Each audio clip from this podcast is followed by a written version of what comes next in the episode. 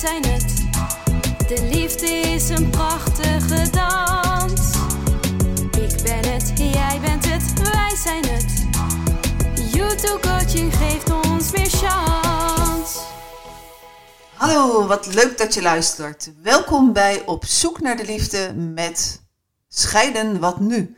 Mijn naam is Annette Burgers. Ik ben relatiecoach, schipbehandelaar bij YouTube Coaching en stiefcoach bij Stiefgoed. En ik maak deze serie omdat ik denk dat we echt beter ons best kunnen doen om de kinderen niet, ofwel zo min mogelijk te betrekken in de scheidingen. Ze hebben het namelijk al moeilijk genoeg. In deze serie heb ik al met zeer interessante professionals gesproken.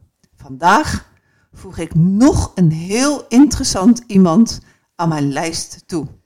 Van harte welkom Gideon de Haan in Den Helder. Hi Annette, ja, je hebt de reis naar het noorden aanvaard. Heel goed. Ja, Prachtig Den Helder. inderdaad, inderdaad. We hebben net een toertje er al eh, gedaan. Jij bent gezinstherapeut, mediator, psychosomatisch therapeut en arbeidstherapeut. Ja. Klopt dat allemaal? Ja, ik heb een eh, lange reis gemaakt in mijn carrière. Ik heb meerdere dingen gedaan en er steeds iets aan toegevoegd. En je bent begonnen als fysiotherapeut, zei je net. Dat is mijn eerste beroep, 30 jaar geleden. Eh, met altijd al de interessegebied psychosomatiek. Dus daar ben ik ook heel snel naartoe gegaan. Alles rondom stress. Dat was mijn werkveld. Eh, en van daaruit kwam ik op een zeer natuurlijke manier terecht bij stress ook in werksituaties bij mensen. Eh, vandaar de arbeidstherapie. En ook de conflicten die daar heel vaak zichtbaar waren, die een bron waren van waaruit mensen allerlei klachten kregen en in de knel kwamen. En als je in de conflictsfeer kijkt, eh, dan kan je het privédomein van mensen eigenlijk niet buitensluiten. Want daar zitten natuurlijk ook heel veel dingen waar men- mensen dus eh, in de knel komen. Dus mijn interesse voor het privédomein en dan vooral de relationele en het gezinsgebeuren van mensen, dat was al heel vroeg geboren. En eh nou, mijn podcast heet Op zoek naar de liefde. Heb jij de liefde gevonden in je leven, Gideon? Ik heb de liefde meerdere keren gevonden. Ja, dat, eh, ik ben op dit moment getrouwd.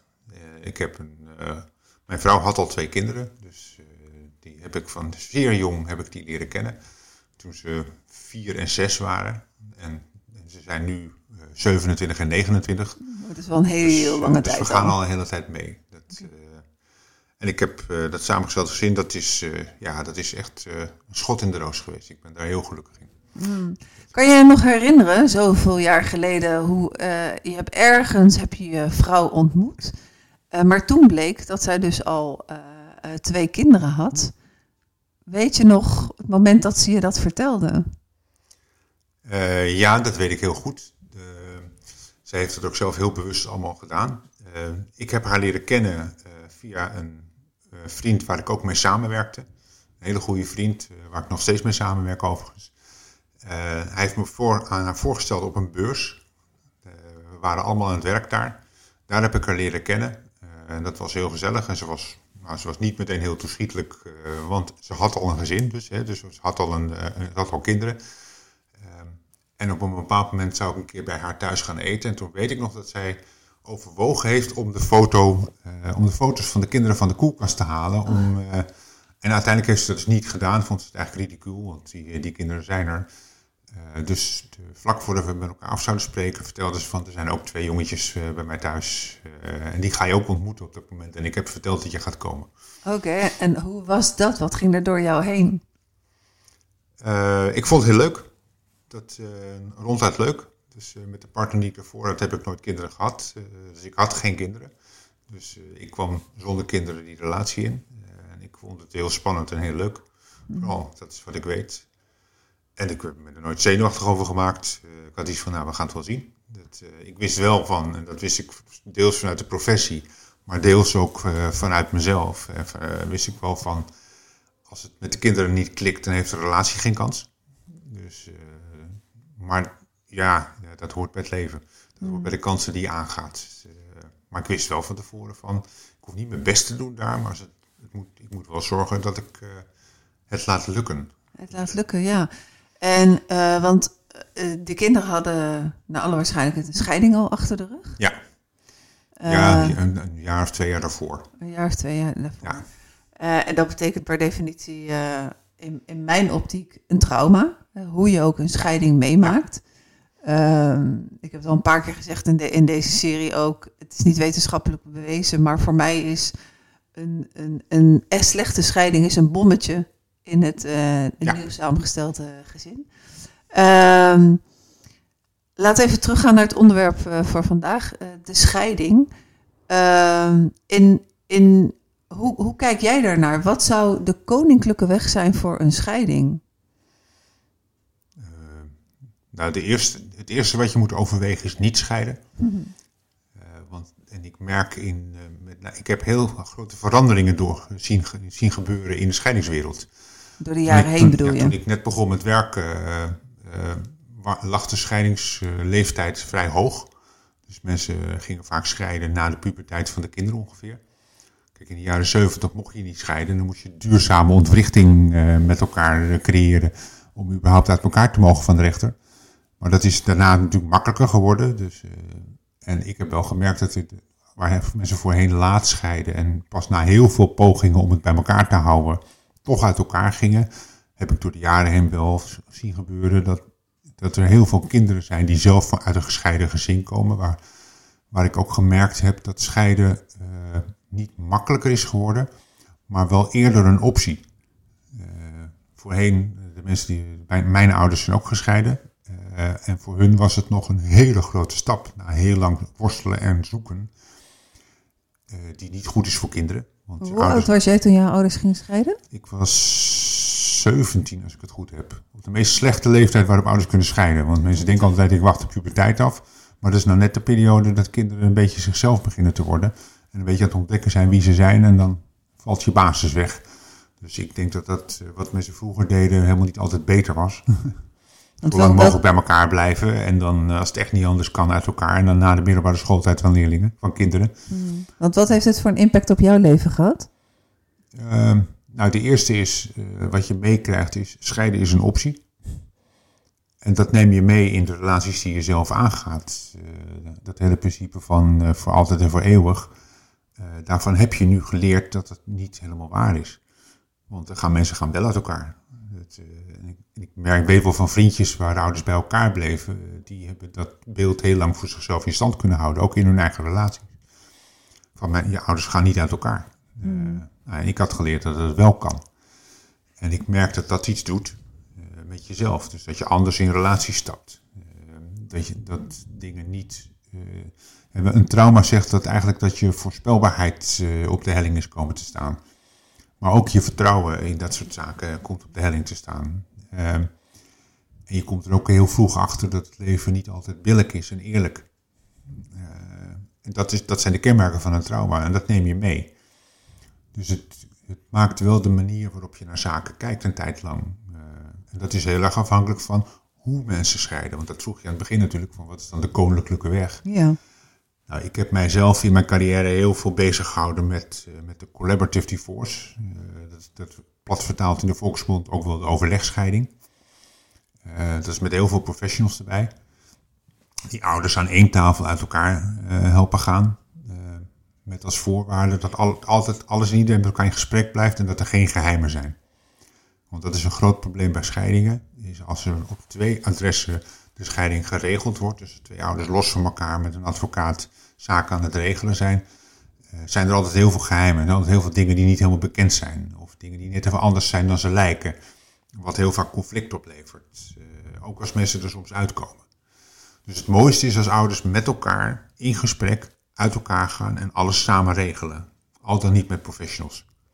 Eh, en sommige mensen lukt dat ook heel goed. Want bij 70% van de scheidingen doen ouders dat.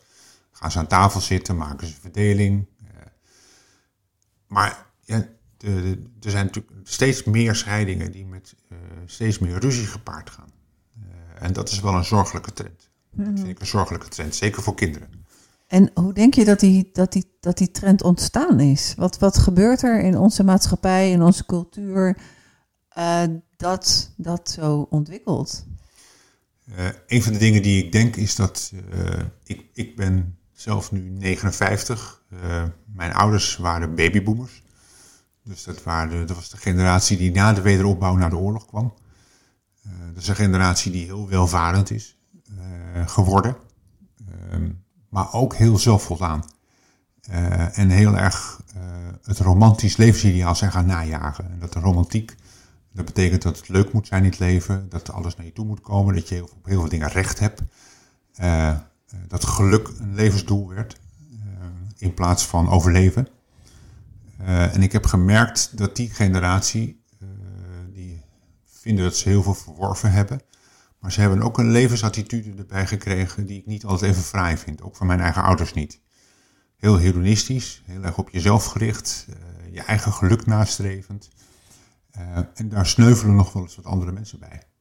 En dat merk ik ook in het scheidingwereld. Zie ik ook dat mensen meer op zichzelf gericht zijn en meer op geluk gericht zijn. Terwijl alle onderzoeken laten zien dat in een relatie hoeven ouders alleen maar tevreden te zijn om het goed te laten gaan voor kinderen.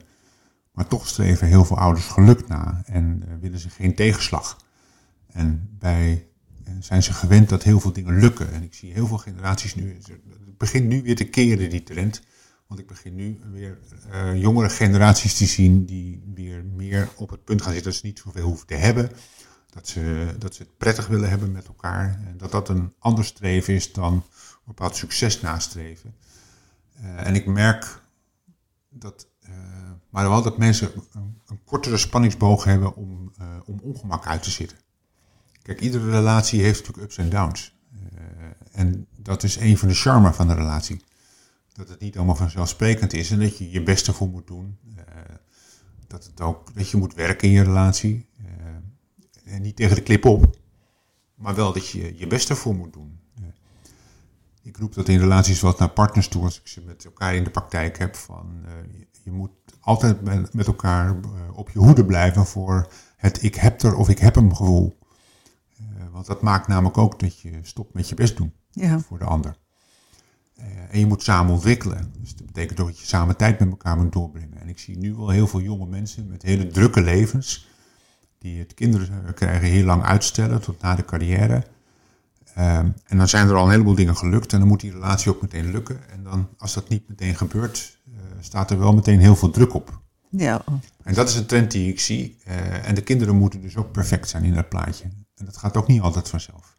Dus ik zie regelmatig mensen die opvoedvragen met elkaar hebben en daar niet uitkomen.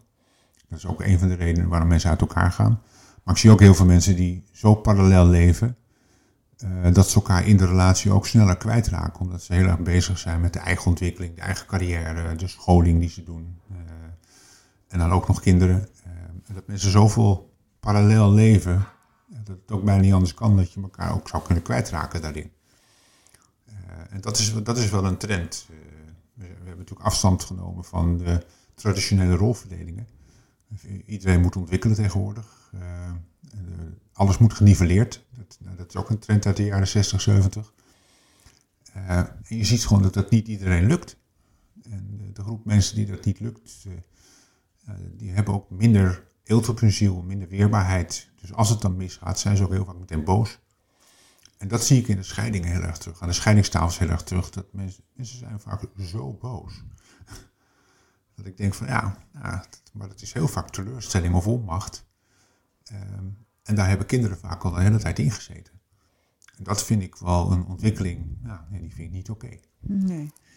En, uh, en wat, los van, ik zeg ook altijd, zoals we naar de tv kijken en zo we zeppen maar weg.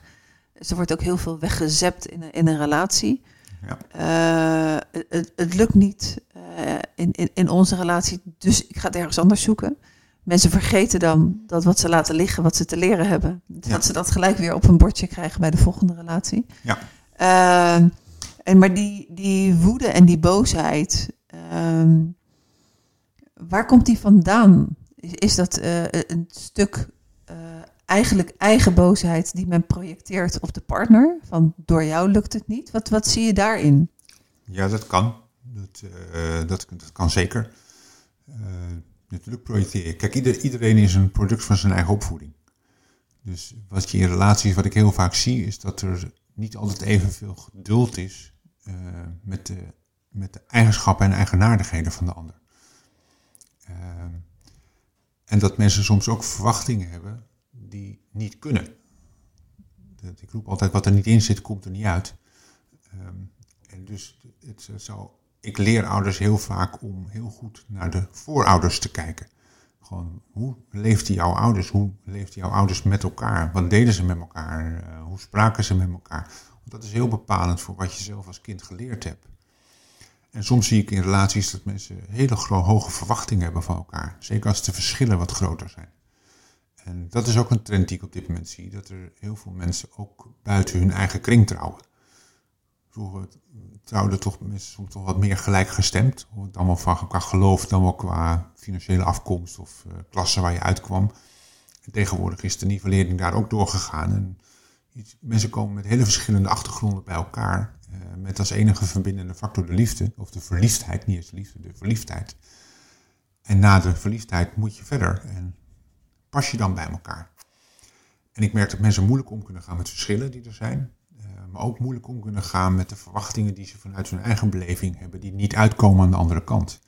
En niet omdat die ander niks in huis heeft. Maar omdat hij niet laat zien wat je hoopt dat hij laat zien. Uh, en daar zie ik in relaties nog wel dingen misgaan. Dat, uh, dan ontstaat er krippigheid en oneenigheid. Uh, of, of berusting in het feit van weer niet. Of dat soort dingen, dat soort sentimenten. Dan gebeurt er iets in een relatie wat ik zelf bij heel veel mensen zie, wat heel vernuikend is. En dat is namelijk dat je op een bepaald moment je interesse begint te verliezen. Dus dat je, nou niet eens je interesse, het is nieuwsgierigheid in de goede zin van het woord. Dus de, uh, misschien is dat wel meer interesse eigenlijk. Dus, uh, en op het moment dat je de nieuwsgierigheid naar de ander, als, dat, die op, dat die nijpend wordt, zullen we maar zeggen, uh, dan zie je ook dat mensen elkaar minder serieus gaan nemen. En dat is, dat is hellend vlak in een relatie. Dus dat je, dat je op een bepaald moment merkt dat je over de ander gaat praten in termen uh, waaruit blijkt dat je elkaar eigenlijk niet meer zo serieus neemt. Dat, als mensen het over mijn vent hebben, die, die hij doet weer. Of, uh, ja, zeker dat woordje weer, hè? Weer en altijd. Dat zijn van die mooie ja, triggers. Ja, precies. Dat, uh, dan moet je op je hoede zijn. Als je jezelf dat soort dingen hoort gebruiken, moet je eigenlijk op je hoede zijn. Want dan weet je gewoon, oké, okay, we drijven uit elkaar. En, uh, en, en er komen er meer misverstanden dan overeenkomsten. En dan zie je ook heel vaak, wat je dan ziet, is dat uh, mensen op een bepaald moment, dat je op, in een relatie op een bepaald moment uh, ontvankelijk lijkt te gaan worden voor anderen. En dat hoor ik ook heel vaak in de praktijk. Hoor ik gewoon dat mensen vertellen van ja, op een bepaald moment, ja, dan wordt een collega ineens heel aardig. Die toont belangstelling. Die, die vraagt hoe is het met die je? Die gaat door, die neemt je serieus. Uh, maar je zou dan wel de conclusie moeten trekken. Als, dat, als ik dat begin te voelen op een andere plek, dan is er thuis iets niet in orde. Dus uh, ik heb met mijn vrouw toen wij bij elkaar kwamen, we hadden al eerdere relaties gehad en ik had, ik had daarvoor ook wel een redelijk wild leven geleid. Uh, dus een van de afspraken die we met elkaar gemaakt hebben, als je merkt dat je op ontvangst komt te staan, dan heb je meldingsplicht. Uh, want dan kan je er samen nog iets aan doen. En als je wacht tot je, dat je ergens ontvangen wordt, ja, dan ben je te laat eigenlijk. Hmm. De, wat, een, wat een mooie afspraak. Dus eigenlijk ja. hebben jullie van, oké, okay, wat, hoe willen wij met elkaar omgaan? We hebben het een en ander geleerd uit uh, onze vorige relaties. Wat mijn partner en ik altijd zeggen, we zijn uh, met, met, dank, echt met grote dank aan al onze exen, uh, kunnen, willen we nu de beste versie van onszelf zijn in de relatie. Ja. en jullie hebben daar die afspraak aan toegevoegd van op het moment dat je merkt, ik ben ontvankelijk voor een ander, hebben we een ja. meldingsplicht. en en misschien wil je er niet op antwoorden, maar heb je wel eens moeten voldoen aan die meldingsplicht? Ja, alle twee. Ja, dat je gewoon merkt dat je uit elkaar drijft. Uh, dus dat je merkt dat je minder met elkaar praat, minder aardig bent. Dat je merkt dat je je erop zelf op betrapt dat je wel eens zonder gedachten wegloopt s ochtends. terwijl je bij, de, bij het aangaan van de relatie was dat, had je met elkaar afgesproken dat dat het laatste was wat er mocht gebeuren. Ja. Uh, dus met elkaar alert worden op dat soort signalen. Ja. En dat is zeker belangrijk als je in een relatie ook nog uh, gewoon, nou, gewoon pittige dingen meemaakt. In iedere relatie gebeuren natuurlijk spannende dingen en pittige dingen ook. Je kunt verlies lijden, je kunt, er kunnen andere dingen misgaan, je kunt ziek worden. dat zijn ook al van die dingen van hoe kom je samen door zo'n relatie en hoe blijf je leuk voor elkaar. dus je gaat een aantal challenges aan in een relatie. Dus, en hoe ga je daarmee om? En blijf je dan ook bij elkaar? En blijf je dan in elkaars buurt, zullen we zeggen, nou, emotioneel? En dat is wel heel belangrijk. En dat gaat niet altijd vanzelf. Want daar komt ook je eigen achtergrond komt weer mee. Je hebt wel heel veel geleerd in de voorgaande relaties, maar je brengt altijd je koffertje van vroeger mee. Ja. Dat, je bent een product van je opvoeding en wat je toen geleerd hebt, dat verandert niet heel erg in je leven. Dus, dus op een bepaald leer je jezelf natuurlijk ook kennen met je hebbelijkheden en je onhebbelijkheden. En ook met misschien de berusting dat sommige dingen zo blijven. En dat je die dus niet in staat bent om die te veranderen. En waar het vaak misgaat is als mensen daar toch wensen blijven houden of verlangens blijven houden naar een verandering die niet gaat komen. Mm-hmm. En dan kan je ook met elkaar heel erg het zicht kwijtraken op de dingen die er wel zijn. Dus dat, dat gebeurt in relaties, maar dat gebeurt ook in scheidingen, maar dat gebeurt ook bijvoorbeeld in samengestelde gezinnen. Daarna heel vaak als je, als je onderzoekt waar het nou mis op gaat, uh, dan is dat meestal omdat de werkelijkheid niet klopt met de verwachtingen. En dan kan je twee dingen doen. Je kunt het buiten jezelf bij de ander leggen en, zeggen, en je afvragen waar iemand, waarom iemand het niet gewoon doet. Vooral met het woordje gewoon erin.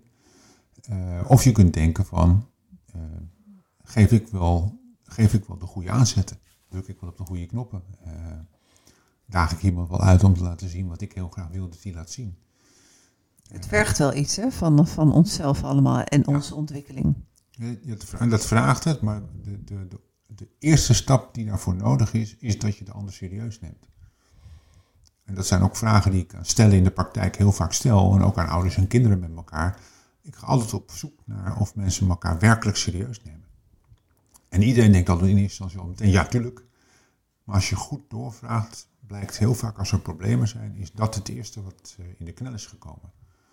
Dus dat mensen de ander toch vooral lastig vinden. Eh, in de psychologie noemen ze dat dat je iemand gaat objectiveren. Dat je het over dat mens, over die vrouw, of die man gaat hebben, of dat kind. En op dat moment objectiveer je iemand en maak je er een object van waar je mee moet afrekenen. Dus dan kom je automatisch ook in een wat eh, meer agressieve houding. Want dan wil je, dat, wil je het fixen. Of je wilt oplossen, of je wil iemand overtuigen, of door de bocht duwen. Uh, of dat ze gewoon maar naar jou moeten luisteren, inderdaad. En of ze gewoon naar jou moeten luisteren, zeker in opvoedvragen. Uh, terwijl je ook kan denken van, uh, dat je het bij jezelf zoekt en je afvraagt van hoe komt het dat die ander niet laat zien wat ik zo graag wil. Ja, wat doe ik? Wat heb ik voor een effect op de ander? Ja, ja want, dat is het ook. ik roep altijd, je bent verantwoordelijk voor wat je aanricht. Dat vinden mensen niet altijd een fijne opmerking. Uh, daar bedoel ik niet mee dat het iemands bedoeling is om dat te doen, maar je hebt wel effect op anderen. En daar ben je verantwoordelijk voor. En ik merk dat, dat in relatie, als mensen dat naar elkaar doen, verantwoordelijkheid nemen voor wat ze aanrichten, uh, dat er heel veel bespreekbaar is en ook oplosbaar. En ik zie dat ook de ouders naar kinderen toe. Als je bereid bent om verantwoordelijkheid te nemen voor de dingen die je doet. En voor ouders is het bijvoorbeeld ook van dat je kun je sorry zeggen als je dingen niet zo handig hebt aangepakt. Vinden sommige ouders heel lastig om als, uh, als ouderen sorry te zeggen tegen iemand die jonger is. Nou, iedereen. Ik heb het zelf ook gehad uh, van die momenten. en ik had gelukkig uh, twee kinderen die dat met, met, soms met, met boosheid konden doen, maar regelmatig ook met humor. dat je even op je verkeerde been gezet werd en dan kon je weer verder. Van, de oudste zoon, dus de oudste stiefzoon, dus die zeg maar, zei van uh, van, hey yo, uh, ik doe dit ook voor het eerst hoor. Daar bedoel die zijn kind zijn mee, of, uh, of kind in een gezin zijn. dus dat was even chillen. Want ik doe dit ook voor het eerst hoor. nou, dat is dan net die, die kwinkslag die er nodig is om, om iets te doorbreken. En dan kan je het daarna met elkaar erover hebben. Maar de bereidheid om, om, om daarop te willen reageren. Dat de eerste stap die je moet maken is iemand serieus nemen en nieuwsgierig zijn.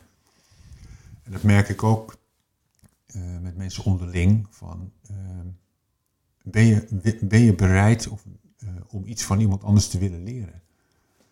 Dat, dat, dat zal je in je vak ook merken in de coaching. Van, ik, ik wil van mijn coaches ook leren. Ja. En van dit, en van, of, van je, of je het wil of niet, soms, soms geven ze ook bepaalde lessen dat je denkt van, oh ja, ja, dit had ik ook zelf nog even te leren. Ja, nou die bereidheid die is heel belangrijk om met elkaar resultaten te bereiken. En ik merk het vooral, ik krijg heel veel ouders in de praktijk met pubers, met, op, met opvoedvragen. Um, zeker ook in die scheidingszaken, zeker ook in die samengestelde gezinnen zijn heel veel dingen te, te regelen met elkaar. Uh, en dan ben ik daar ook altijd mee bezig. Van, uh, ben je aan de ene kant niet alleen, veel ouders, je zit heel snel met elkaar in de correctiemodus. Dus dat je de ander wil vertellen wat hij wel of niet moet doen. Ehm, en wat kinderen heel vaak ook nodig hebben, is dat je bereidheid hebt om ze uit te leggen hoe het moet. Ehm, maar die, de stap die erna komt, die vind ik vaak heel, heel belangrijk. En dat is namelijk, ben je bereid om bijvoorbeeld van je kinderen te willen leren? En ik merk dat heel veel ouders eh, dat leuk vinden, maar er zijn ook heel veel ouders die dat heel ingewikkeld vinden. Dus uh, dat jouw kind het beter weet dan jij. Wat heb jij van de kinderen geleerd? Nou, ik heb bij mijn pubers ben ik, uh, wat ik van ze geleerd heb, is dat ze regelmatig hadden ze briljante oplossingen voor ingewikkelde vraagstukken. Gewoon niet gehinderd door enige levenservaring. Um, en ik merkte dat mijn eerste reactie vaak was van, zo simpel is het niet. Uiteindelijk neem je ze dus niet serieus daarmee en luister je dus eigenlijk niet naar ze. Uh, en ik ben er heel vaak achter gekomen als je, als je dan even uit je eigen stellingen gaat en gewoon even vraagt van wat bedoel je nou precies, dat ze je uitleggen hoe ze tot die gedachten zijn gekomen, uh, dan klopt die heel vaak. Of het altijd de oplossing voor het probleem is, dat is nog vers 2. Maar de denklijn die ze hebben, die klopt heel vaak wel. Uh, vanuit hun perspectief. Het is ook heel interessant om te weten hè, hoe ze tot zo'n ja. gedachte of zo'n uitspraak zijn gekomen. Ja. Ik heb daarvan geleerd en dat heb ik in mijn mediation heb ik daar heel veel lol van. Is, uh, er is altijd één vraag die ik mezelf altijd blijf stellen. En dat is altijd de vraag, wat dat weet ik niet. Want dat is vaak heel bepalend voor uh, de kant waar je uiteindelijk op gaat. En zeker ook in, in ingewikkelde scheidingszaken. Ik heb in het verleden echt heel veel hele ingewikkelde scheidingszaken begeleid. Uh, waar heel veel partijen in zaten. En waar heel veel onzichtbare partijen in zaten. Dus ik noem dat altijd de souffleurs aan tafel. Die niet aanwezig zijn, maar wel aanwezig zijn. En een hele grote rol hebben. Ja. Uh, en het meest zichtbaar worden ze als, als het over stoornissen gaat. Want mensen wensen elkaar van alles. En uh, ja, ja, jouw moeder zegt ook dat je een autist bent. Dat, uh, dat soort opmerkingen. Heel veel souffleurs, dus ik heb daar heel erg van geleerd. En van mijn kinderen ook heel erg geleerd uh, dat je door moet vragen om erachter te komen wat je niet weet. En dat er altijd dingen zullen blijven die je niet weet, die soms heel bepalend kunnen zijn. En het, wat je daarmee leert, uh, en de jongens hebben me daar regelmatig op, ook op aangesproken en ook de oren gewassen, um, om niet te snel conclusies te trekken. niet te snel een oordeel te hebben. En vanuit, vanaf dat moment dat je een oordeel hebt of een standpunt, dan sta je ook stil en dan ben je ook niet meer bewegelijk. Uh, dan kan je ook niet meer om, dan kan je ook niet mee in een ander plan. Uh, en dat is ook iets wat ik, wat ik zelf dus heel leerzaam vond, wat ik uit mijn kindertijd niet zo heel erg meegekregen heb. Dus ik heb van de jongens ook heel veel dingen geleerd. er zijn heel veel gaten in mijn eigen opvoeding daarmee ook opgevuld. Dat, ik ben niet zo heel sociaal grootgebracht, dat heb ik mezelf allemaal moeten aanleren achteraf.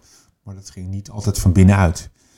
Uh, en wat kinderen met je doen, is natuurlijk omdat je, nou ja, goed, ook zelfs stiefkinderen, je bent natuurlijk, je hebt, op zich heb je natuurlijk niet echt de loyaliteit met elkaar, maar die groeit door de tijd heen wel. Je wordt wel tot op zekere hoogte loyaal aan elkaar, maar het is niet onvoorwaardelijk. Mm. Dat is het enige verschil. Maar uh, nou, ze, ze bieden je wel de ruimte om in een soort intieme setting met elkaar heel veel te leren. Als ik aan jouw stiefzoon zou vragen van uh, wat is de meerwaarde van Gideon in jullie leven geweest? Of wat is de meerwaarde nog steeds van Gideon in jullie leven? Wat zouden ze dan zeggen? Uh, ik, ik ben hun vertrouwenspersoon geweest. Ze, ze konden uh, met mij dingen bespreken die ze niet met hun ouders konden bespreken. En dat hebben ze ook heel vaak gedaan. Niet alleen door mijn beroep, niet alleen omdat ik die professie had. Maar ook omdat ze dat vertrouwen hadden, of dat, of dat ik dat vertrouwen van bij ze genoot. Dus uh, ik heb regelmatig dingen te horen gekregen die ze niet aan een, aan een van hun ouders vertelden. En heb je die ook bij je kunnen houden? Ja. Of heb je het, uh, ja. ja. Dat is dan wel heel belangrijk, hè? Dat zij nergens merken. Ik heb geheimhouding, er staat zelfs een gevangenisstraf op. Ook naar mijn kinderen. Hmm. Dus uh, ik heb een professionele geheimhouding, daar heb ik ooit voor getekend. Dat, en die mag ik niet schenden. Tenzij er levensgevaar is. dat is het dus. Kijk, en dat wil niet zeggen dat als de jongens mij iets vertelden, dan ging ik dat niet s'avonds uh, bij het slapen gaan uh, aan mijn vrouw vertellen. Dat, dat, dat kan niet. Um, maar je kunt wel de kennis die je uit die gesprekken krijgt gebruiken om anders te reageren in situaties waar je samen in komt. Dus als die jongens mij hadden aangegeven ergens moeite mee te hebben of ergens mee te zitten, dan kon ik met mijn reacties wel sturen in de gesprekken die er daarna plaatsvonden. Uh, en dan, mijn vrouw is heel alert en heel scherp en dat soort dingen. Die die heel sociaal begaafd. Dus die wist genoeg. En die hoeft ook daarna niet meer te reageren. Die hoeft ook niet te vragen, oh, hebben jullie dat besproken dan? Nee, dat hoeft allemaal niet. Ze wist gewoon, oké, wacht even, dat is dus kennelijk besproken. Ik moet even opletten, ik moet reageren nu. Eh, Voordat we doorgaan over het stukje van, nou, na een scheiding komt eh, meestal weer een, een, een nieuw samengesteld gezin. Even terug naar het stukje van die boosheid. Want eh, toen, wij, toen ik hier binnenkwam, hebben we het daar heel even kort over gehad. Ehm, jij doet iets met cliënten van jou die heel erg boos zijn. Kun je daar iets over vertellen? Ja. Ik, heb in, mijn- ik, ben, ik ben heel divers opgeleid. Dat, eh, ik ben mijn carrière 30 jaar geleden begonnen in een heel fysiek beroep, fysiotherapie. Eh, waarin ik heel snel al eh, de affiniteit met, eh, met de psychosomatiek kreeg. Ik merkte heel snel dat heel veel mensen die allerlei moeilijke klachtbeelden hadden, waar ik geen grip op kreeg, dat ik op zoek was naar de missing link. Dus ook toen eigenlijk al van, wat weet ik niet? Of wat mis ik? Wat zie ik niet? Dus ik, heb, ik ben ook psychologisch geschoold daarna. En ik combineer die twee. En allebei die vakken leveren me heel veel op. En vooral die psychosomatiek, die is heel interessant. Omdat je als je mensen kunt helpen met leren ervaren van hun lijf, eh, kunnen ze beter leren luisteren naar hun intuïtie in situaties. En die heb je ook in van die relationele vraagstukken waar boosheid in speelt, heb je je eigen intuïtie heel hard nodig. Eh, wat ik heel vaak zie, dat als relaties uit de hand lopen, of er ook wel geweld in komt, of als mensen heel boos zijn op elkaar, ehm, is dat mensen vaak in situaties komen waar ze van hun eigen intuïtie zijn afgeweken. En dat ze op, soms op verstand, of soms omdat andere mensen het zeggen, dingen zijn gaan doen waar ze eigenlijk niet achter staan gevoelsmatig. En dan ontstaat heel vaak frustratie. In relatie, ook in relaties met ouders, met kinderen, naar je, je eigen ouders. eh, want dat is ook de context waar je natuurlijk in leeft. Je bent natuurlijk ook maar een schakeltje in al die, in al die, in al die rangen en standen. Maar ik merk dat eh, als je mensen helpt om dat, het gevoel te krijgen bij de dingen die ze overkomen, of die ze in hun leven meemaken, dat ze er meer grip op krijgen. Dus ik ben altijd op zoek met mensen van wat kan je doen om jezelf beter te leren kennen.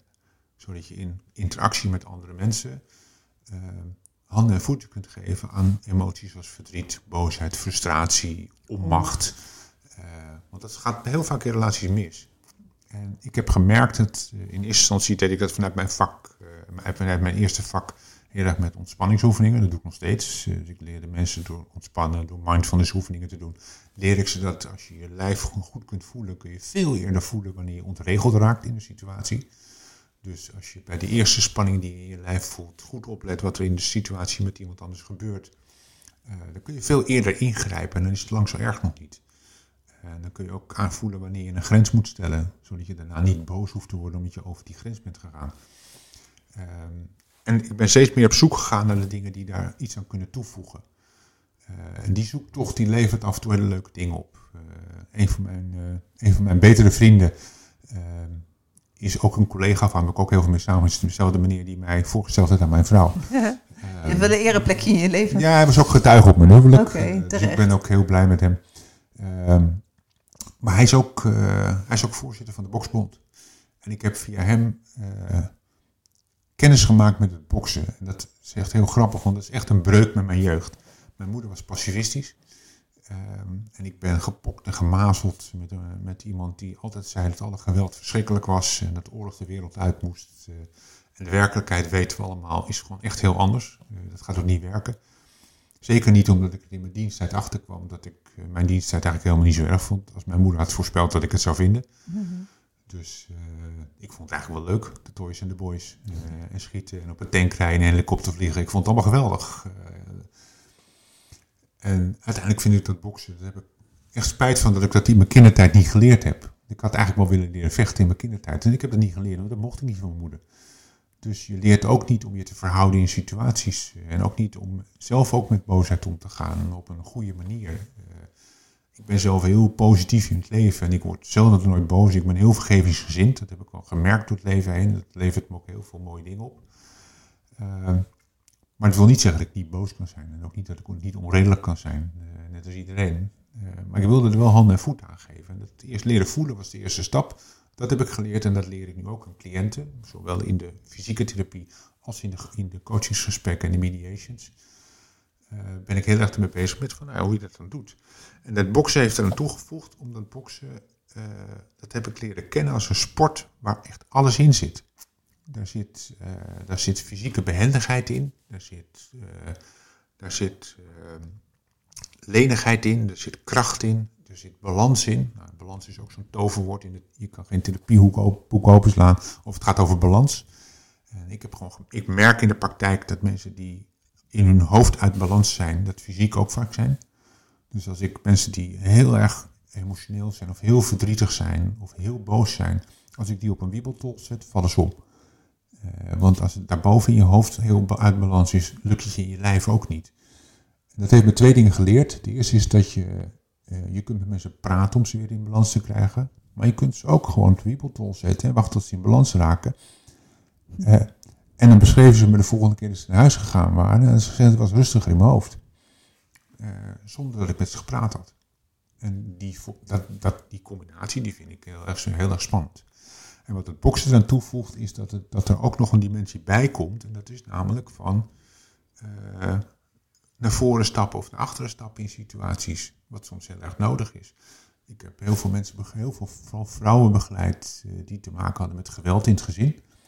Ehm, en een van de dingen die ik met ze trainde, uh, was altijd van, wat is jouw aandeel in het ontstaan van het geweld? Dat, is een heel beladen onderwerp, hè, want mensen krijgen snel het gevoel dat je ze de schuld geeft van hun eigen situatie. En dat is het dus niet. Uh, maar je, iedere situatie waar je met iemand anders in zit, ben je zelf voor 50% verantwoordelijk voor wat er ontstaat. Uh, en daar komt het weer op neer met waar we het in het begin over hadden natuurlijk. Hè, van, je bent verantwoordelijk voor wat je aanricht. Dus je zelf, heb je zelf een aandeel in het oproepen van wat er op je afkomt. Uh, want daar zit namelijk ook de sleutel.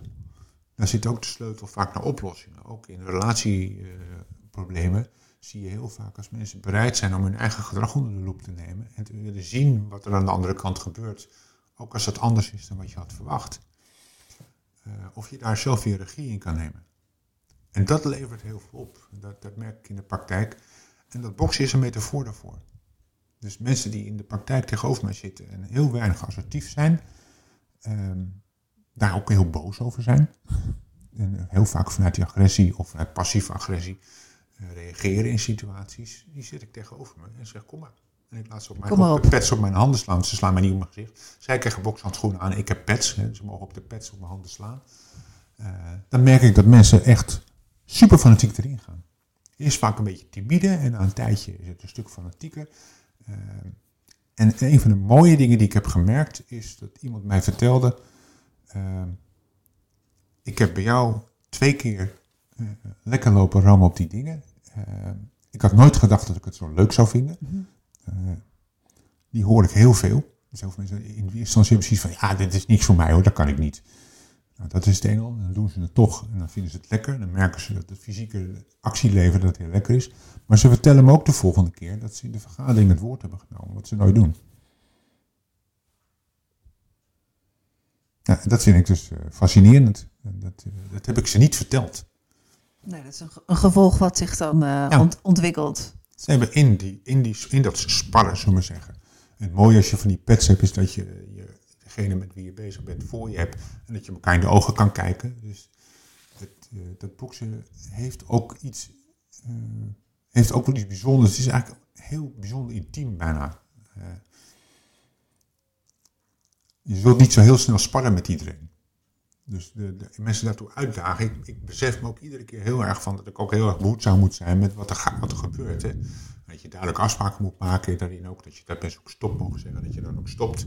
Nou, dat is een van de dingen die in relaties nog wel eens misgaat. Dat, uh, dat als een van de partners iets niet wil, dat het dan toch gebeurt. Uh, of als je iets uh, wel wil, dat het dan niet gebeurt.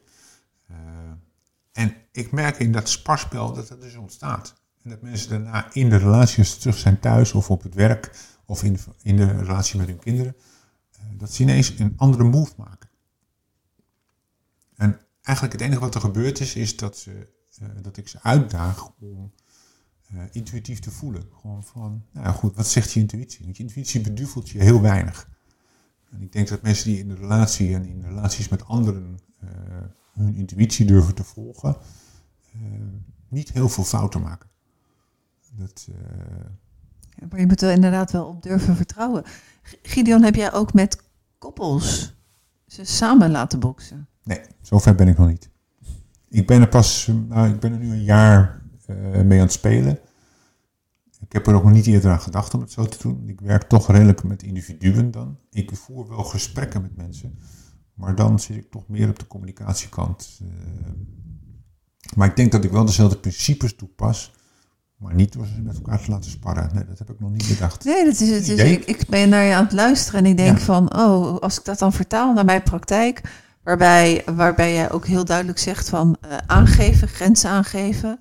Ja. Dus een stapje terug, een stapje uh, ik merk dat koppels, uh, zeer zeker als ze in de gevarenzone zitten, ze komen, in principe komen natuurlijk heel veel mensen vrij laat uh, in de praktijk. Ja. Ehm, dat ze het heel lastig vinden om überhaupt elkaar goed aan te kijken. Ja.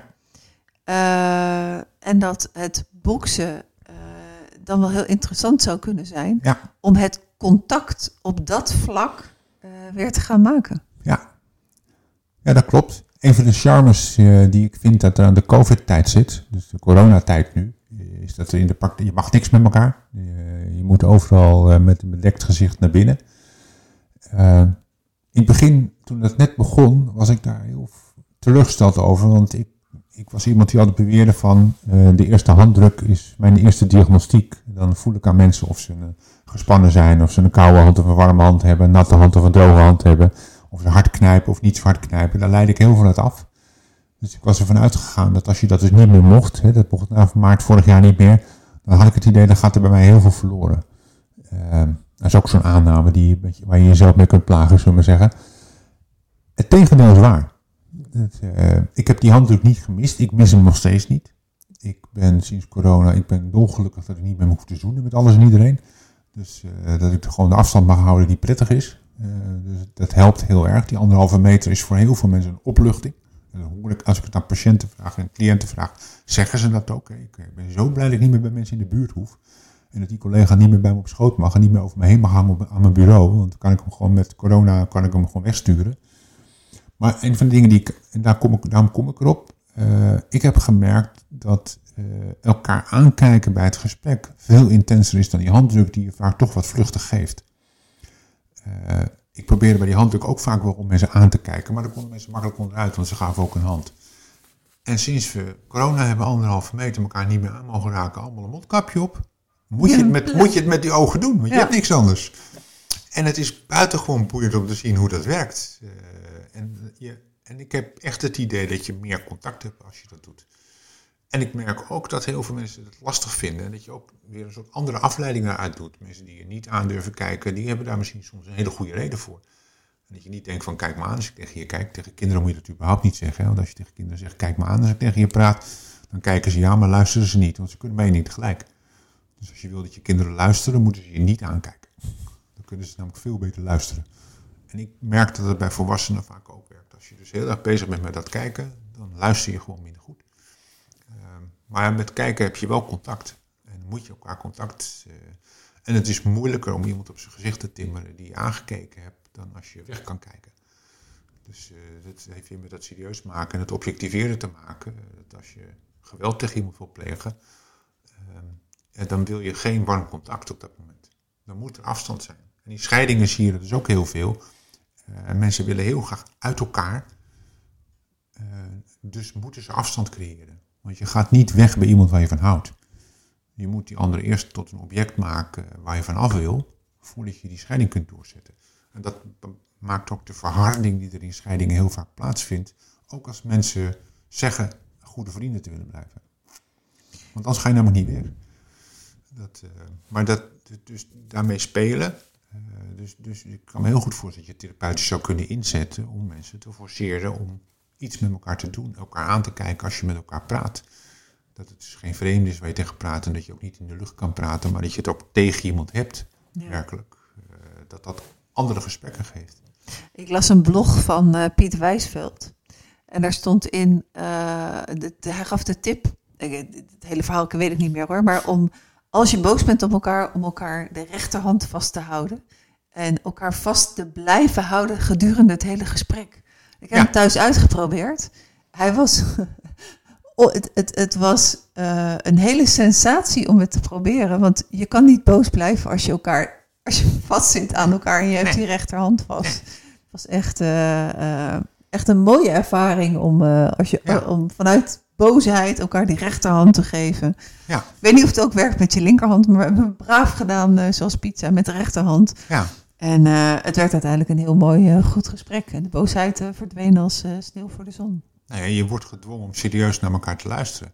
Ja, en dat niet weg te lopen. Niet weg te lopen, dat kan dus ook niet. je kunt je niet afkeren.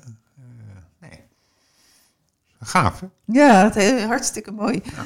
Uh, Gideon, ik wil graag ook nog eventjes naar het stukje samengesteld gezin. Ja. Vanuit de scheiding vooral.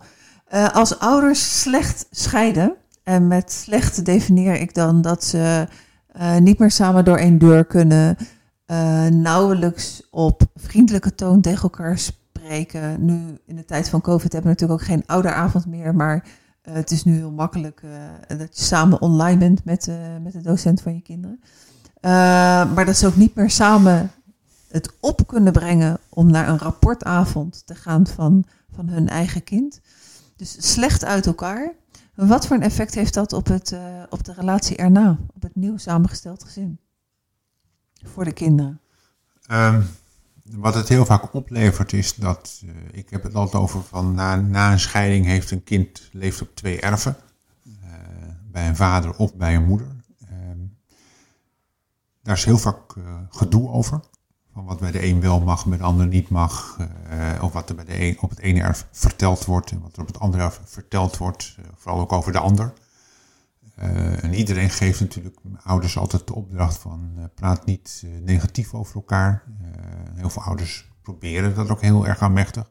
Maar soms kunnen ze zich niet beheersen daarin. maar als mensen dus boos uit elkaar gaan en boos blijven, dat is een hele lastige. Want boosheid roept boosheid op. Boosheid lucht nooit op. Ook niet als je het met agressie botviert, lucht het nog steeds niet op. Word je alleen maar bozer. Um, het enige wat bij boosheid helpt, uh, is vergeven. En vergeven van de ander, dat vinden heel veel mensen altijd een brug te ver in eerste instantie. Zeker als er veel dingen gebeurd zijn. En ik leg mensen altijd uit dat je vergeeft voor jezelf en niet voor de ander. Vergeven is eigenlijk ook niet dat je de ander vergeeft. Vergeven is dat je accepteert wat je is aangedaan. Uh, want dat kan je namelijk helemaal zelf. Dus zodra ouders de regie nemen in hun eigen leven en hun eigen acceptatie vormgeven, kunnen ze vaak ook daarna weer wel weer met elkaar. Ouders die daar niet in slagen, die blijven dus boos. En die blijven altijd door de boze bril naar de wereld kijken en ook naar de ander. En en dat betekent dat je bepaalde verwachtingen van het gedrag van die ander hebt vanuit je herinnering die je had. Uh, en dat bepaalt ook wat je ziet. Dus je ziet in het gedrag van die ander ook allemaal bevestiging van je eigen boosheid. En dat blijft in stand. En kinderen lijden daar verschrikkelijk onder. Want die zijn loyaal uh, naar twee ouders. Um, en de effecten die het heeft zijn enorm. Um, het, maakt, het, het levert bij kinderen angst op. Dat is één deel. Um, kijk, zodra ouders gaan scheiden, uh, vanaf dat moment verschijnen je kinderen sowieso in alle lijstjes waar je ze niet op wil hebben. Ze komen op het lijstje voor verslavingen, voor alcohol, drinken, uh, blowen, uh, promiscu gedrag, deloyaal gedrag. op alle lijstjes komen ze voor. Schoolresultaten gaan soms achteruit daardoor. Ehm, dus dat is als je goed scheidt al. Laat staan als je dan ook nog met wrok uit elkaar gaat. dan wordt het alleen nog maar erger. Um, en omdat kinderen zo loyaal zijn, zullen ze heel vaak ook gedrag gaan vertonen uh, om uh, te reageren op de boosheid of de ruzies of de onmin die er is in die scheiding. En kinderen doen het op een aantal manieren. Sommige kinderen trekken zich terug en worden somber. Uh, door ouders nog wel eens onterecht uh, geïnterpreteerd als lekker rustig. Um, dan kan je ook heel erg. Kan, ja, of pubergedrag tegen de kant. Jongens gaan vaak uh, in, de, in de actieve kant, dus die worden beloren, gebaldadig, gaan dingen stuk maken. En dat soort dingen meer overal. Maar ze gaan ook heel regelmatig blowen, gokken, heel veel gamen. Ehm, en dat is een ander ding wat er speelt. Eh, of kinderen gaan uh, ontzettend recalcitrant gedrag vertonen om de aandacht naar zich toe te trekken. Uh, kinderen voelen zich heel vaak schuldig in scheidingen. Met het idee dat ze er misschien debet aan zijn, dat de scheiding plaatsvindt. dat wordt niet altijd goed gezien. Dus daar moet je echt op reageren als ouders. Maar als je zelf boos bent en heel erg mee bezig bent en de, ander, en de schuld bij de ander legt, en dan sta je daar niet zo ontzettend voor open. Ehm, maar dat betekent dus dat kinderen heel vaak bepaald gedrag gaan vertonen waar je je dan aan stoort. Maar dat is soms ook om ervoor te zorgen dat jij er aan stoort en je heel erg met hun bezig bent. Dan heb je geen tijd voor die andere ouder. Ehm, dus wat bij scheidingen heel belangrijk is, is dat je het gedrag van je kinderen goed blijft interpreteren. En dat je goed. En dat betekent, uh, ik vond heel, wat ik ooit van, volgens mij is het van Martine Delfos geleerd heb, is van dat je eh, een soort primair en secundair gedrag bij kinderen hebt. En secundair is hetgene wat je ziet, dus dat is de uiting die je ziet. Daar wordt heel vaak op gereageerd, meestal met een correctie of met een discussie. Nou ja, je moet met kinderen überhaupt niet zo heel veel discussiëren, want dat levert niks op. Um, uh, en dat je eigenlijk zou moeten kijken van wat is het primaire gedrag. Dus wat zit erachter, welke behoefte zit erachter, of welk gemis zit erachter, of welke zorg zit erachter. Uh, en hoe meer je als ouders dus in de boze modus bent, hoe uh, minder goed je oplet. Want je bent altijd bevooroordeeld. Je zit altijd met, uh, met, die, met het gedoe met anderen in, in je maag. Uh, daarom is het zo belangrijk dat als je dan toch wel besluit om uit elkaar te gaan, om ervoor te zorgen dat je heel erg on speaking terms blijft. Dat je elkaar blijft aankijken. Dat je de gesprekken met de rechterhand aan elkaar geklonken en doet. Dat je gesprekken aan één tafel doet en niet aan twee losse tafels. Ik heb heel sporadisch mediations die ik op afstand doe, waarbij de beide partijen niet op elkaars erf zijn. Dus dan praat ik met twee mensen in, uh, in de online uh, meeting. En dan zit een zit op zijn enige adres de ander zit op het andere adres en, en, ik ben de derde persoon. En we praten met elkaar. Uh, maar het liefst heb ik mensen aan één tafel. Dat ze dus ook gewoon iets met elkaar moeten. dus, dus in die zin, dus een scheiding die slecht verloopt, die, die zorgt ervoor dat je dus opmin krijgt tussen twee erven en, en vaak ook heel veel gedoe over opvoedkwaliteiten. En over opvoedvaardigheden en wensen die mensen hebben in de opvoeding. Welke rol wil je spelen in het leven van je kind? En mag je dat van de andere ouder?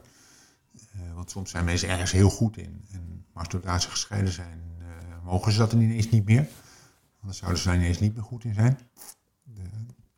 Dus het levert uh, in die zin heel veel strubbelingen op op dat punt. En ook bij samengestelde gezinnen zie ik het nog veel sterker. Want dan zijn, gaat het om twee mensen die allebei een scheiding achter de rug hebben, een ouderschapsplan erbij hebben. Um, en dan al die plannen in elkaar moeten vlechten om tot een geheel te komen. En dan is dat andere erf, zullen we zeggen, of de andere partij. Of, uh, er wordt meestal over mijn ex gepraat. En dat is, als mensen over mijn ex praten, is het meestal niet positief. Nee, laat staan over de heks of welke andere namen ja. er uh, over de ja. toonbank heen gaan. Uh, maar dan speelt het dus als je niet goed uit elkaar bent. De meeste mensen die in een samengesteld zin in de problemen komen, dat is meestal omdat de oude partnerrelatie niet goed afgehecht is. Omdat er nog heel veel emotionele zaken spelen die in die oude relatie thuis horen. En die worden niet opgelost. Inclusief alle familie die eraan vastzit. Opa's en oma's die niet, wel of niet meer in beeld zijn of niet meer mogen zijn. Uh, uh, of alle. Ik word heel vaak erbij geroepen ook als er instanties in, in het spel zijn. Dus dat de Raad van de Kinderbescherming in het verhaal zit. Omdat er, omdat er zorgen over de thuissituatie zijn bij mensen. En dat mensen er niet uitkomen. Dat, dus, dus niet goed uh, verlopen scheiding en niet goed begeleide scheiding ook. Uh, dat was mijn, mijn liefde voor die collaborative divorce, zat hem heel erg erin. Omdat het mensen die daarvoor kozen, want die moesten wel voor kiezen, want er was ook wel wat. Het, het, het was, mensen vonden het vaak prijzig, omdat je op de korte termijn een hoop professionals moest inhuren. Maar we hebben het wel eens uitgerekend wat, het, wat een vechtscheiding kost. Die was echt, die was echt tien keer zo duur. Met alle gevolgen nog ja. emotioneel van dien. Ja, en alle zorgkosten worden door mensen niet in de berekeningen meegenomen. Want die worden namelijk door de verzekering betaald. Wat ik een shame vind echt. Dat mensen de scheiding op kosten van een verzekering of een rechtsbijstandsverzekering kunnen doen. Dat vind ik echt niet kunnen. Echt, uh, dat, uh, dat je dat collectief afwentelt. Dat, uh, voor de keuzes die je zelf maakt en de rommel die je erbij, die je erbij maakt. Maar dat, dus heel vaak, die kosten werden vaak niet meegenomen als mensen hulp gingen zoeken. Dus ze keken vooral naar wat ze zelf moesten financieren. En daar kozen ze op. Maar die collaborative force die leverde op dat mensen aan één tafel zaten en dat leverde convenanten op die, die sluitend waren. Omdat er in die gesprekken aan tafel dus heel veel mensen moesten het daar uitvechten. En uitvechten tussen aanhalingstekens. Hè. soms ging het er hard aan toe. Uh, maar regelmatig leverde het ook inzicht op uh, en veranderingen in gedrag die nodig waren. Wat ik soms zag was, dan heb je bijvoorbeeld een, uh, een één partner die heel dominant is en op het agressief af, of soms zelfs agressief. En een andere partner die daar naar heeft leren handelen in de relatie. Nou, op het moment dat ik vanuit mijn gedrags, vanaf een gedragsachtergrond gewoon iemand aan tafel op zijn nummer zet en terecht zet, met empathie voor waar hij vandaan komt, dan gaat de andere kant niet met hem praten. Als je dat uh, twintig jaar afgeleerd hebt. Dus het herstellen van een goede communicatie, om later als gescheiden ouders en partners in ouderschap verder te gaan, nou, dat vraagt wel wat. Dat, ja, dat is, uh, vraagt soms wel hogere wiskunde. Ja, maar, maar dat vraagt ook weer, de, wat ik heel vaak probeer te bereiken met mensen, is uh, de bereidheid om elkaar serieus te nemen. Ik blijf het hameren, misschien een beetje saai, maar ik denk dat het de basis is van een leven na de scheiding. Is namelijk, ben je in staat om degene waar je weg bent gegaan, of waar je vanuit mee uit elkaar bent gegaan, als jij al het initiatief had, uh, ben je bereid om die ander serieus te blijven nemen of weer te gaan nemen als co-ouder van jullie kinderen. Uh, dat is de essentie van uh, goed uit elkaar gaan. Is dat, kun je elkaar dingen gunnen. ik maak heel vaak ouderschapsplannen met ouders. Eh, ook met samengestelde gezinnen maak ik ook weer nieuwe plannen. En de basis van die plannen is altijd uh, normen en waarden. Ik wil weten waar mensen staan met normen en waarden en kunnen ze elkaar daarin vinden. Uh, en de waarden zijn daarin belangrijker dan de normen. Want dat is de diepere gevoelens die je hebt over hoe je vindt dat het zou moeten gaan. En de norm is vaak de uitvoer daarvan. En daar kan je nog wel eens op verschillen. Um, maar ook opvoedkwaliteiten van elkaar beschrijven. Wat kan de een nou goed en wat kan de ander nou goed? Uh, en durf je dat te erkennen? Ik laat mensen ook van elkaar benoemen. Wat, zijn de wat zijn de opvoedkwaliteiten van je partner? Of van je ex-partner in dit geval. Mensen vinden dat in het begin soms heel moeilijk, maar soms kunnen ze het ook zo benoemen. En de volgende vraag is, mag hij dat dan ook doen? Nou, dat wordt wel ingewikkelder. Uh, en als je dat, als je, da, als je dat ik merk dat dat soort gesprekken met ouders na die scheiding ertoe leiden dat nou, dat ze soms uit die boosheid stappen en ook weer op een andere manier willen durven kijken naar die ander. En dat is dan wel een stap die je moet maken om daarna goede ouders te worden, goede ouders te blijven. En werkelijk partners in ouderschap. Uh, kijk, die term die is niet van mij, die heb ik, niet, ik heb hem niet in instantie bedacht. Uh, maar heel veel mensen gebruiken hem, maar de inkleuring die ze eraan geven, die verschilt nog wel eens. Dat is niet voor niks dat er allemaal fora en platforms en uh, ministeriële groepen zijn om met dat ouderschap aan de gang te gaan, die, wat iedereen zo moeilijk vindt. Uh, Gideon, je zegt, dit heb ik niet bedacht. Hè? Dat, ik ga je wel iets een vraag stellen om te kijken wat je wel bedenkt. Ehm, nieuw kabinet, ministerie van Gezinnen. Gideon, jij bent nu door mij gekozen door, voor minister van Gezinnen. Wat zou je veranderen in, in Nederland op scholen of in artsenpraktijken? Of welke verandering heeft Nederland nodig om, uh, om op een betere manier uh, in de relaties te staan? op een betere manier te gaan scheiden en om niet de rekening van de scheiding aan de kinderen te geven? Dat gaat heel ver, als je het je vraagt. Dat, want dat betekent namelijk dat je in de opvoeding van mensen moet beginnen. Dat, die moet mensen vergevingsgezind opvoeden. Dat is één ding. Uh, je moet mensen opvoeden in um, verantwoordelijkheid nemen voor hun eigen gedrag, inclusief de bloepers. Uh, dat, vinden, dat is vaak heel lastig. Het moet een gesprek worden op school zonder dat het uh, onderwijscurriculum overneemt.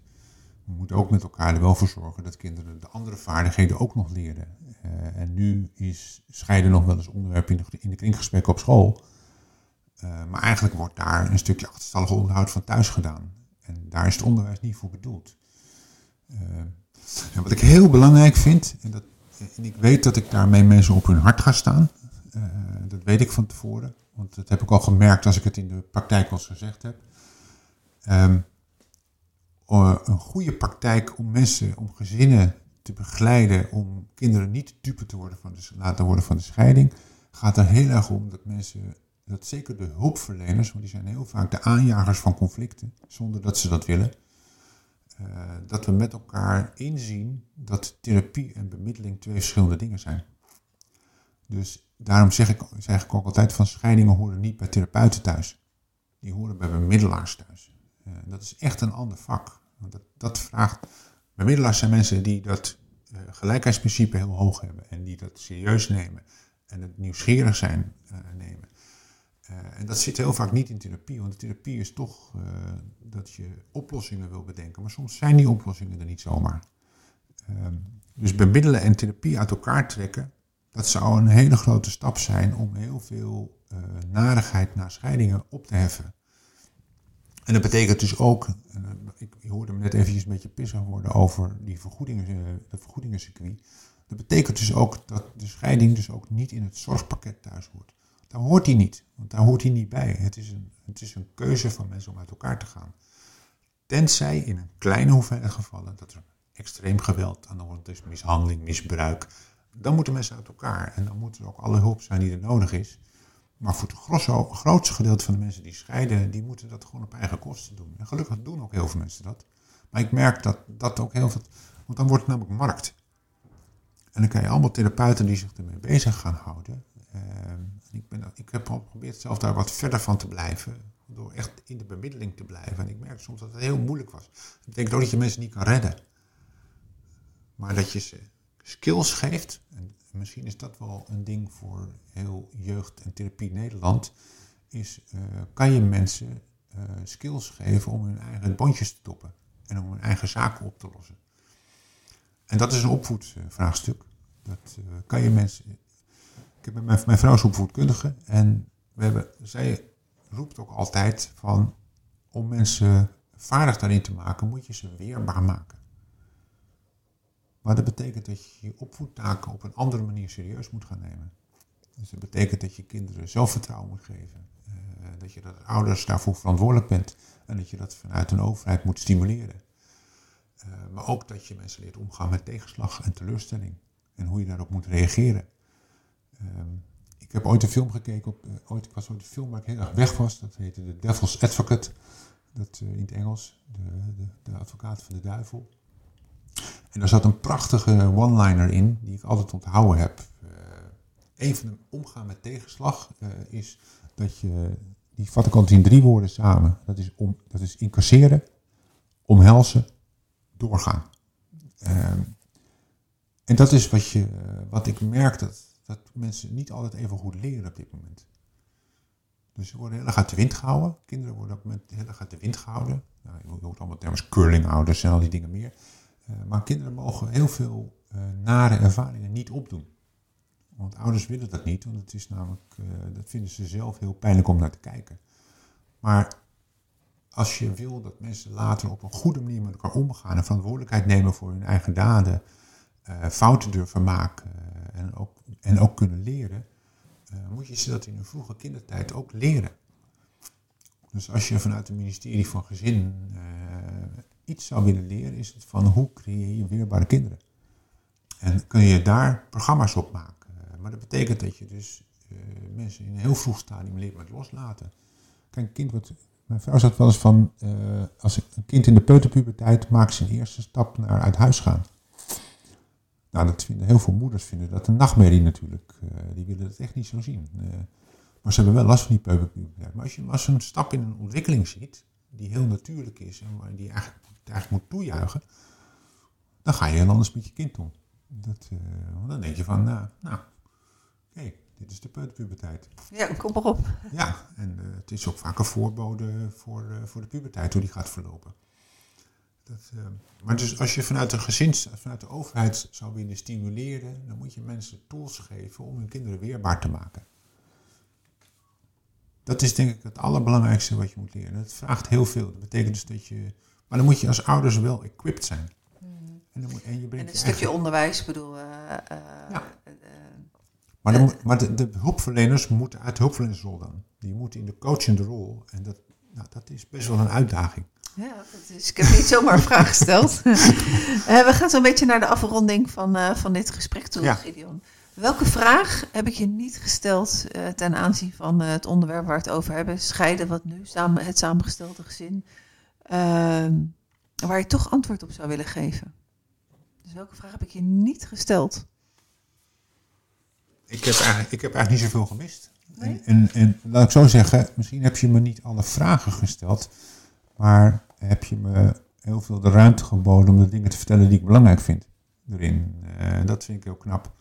Dat, eh, dus misschien heb je indirect die vraag wel gesteld, zonder hem hardop te zeggen. Maar ik, ik heb alles kunnen zeggen wat ik belangrijk vind in het verhaal en ik heb geen dingen gemist.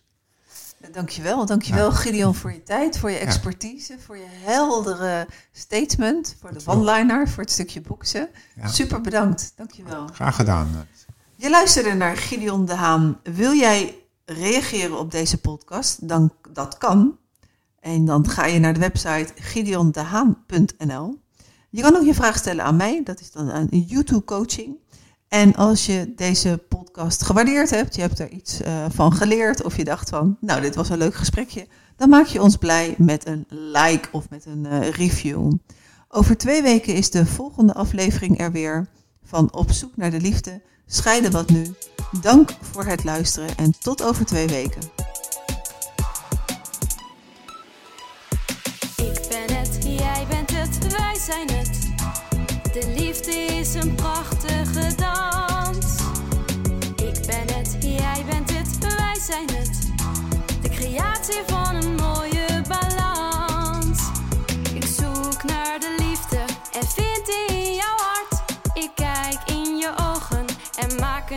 start. Ik ben het, jij bent het, wij zijn het. De liefde is een prachtige dans. Ik ben het, jij bent het, wij zijn het. De creatie van een mooie balans. Nooit meer maak ik die fouten. Gezin is een geheel. Het zijn onze systemen. Harmonie valt ons ten deel. Ik ben het, jij bent het, wij zijn het. De liefde is een prachtige dans. Ik ben het, jij bent het, wij zijn het. YouTube coaching geeft ons meer chance.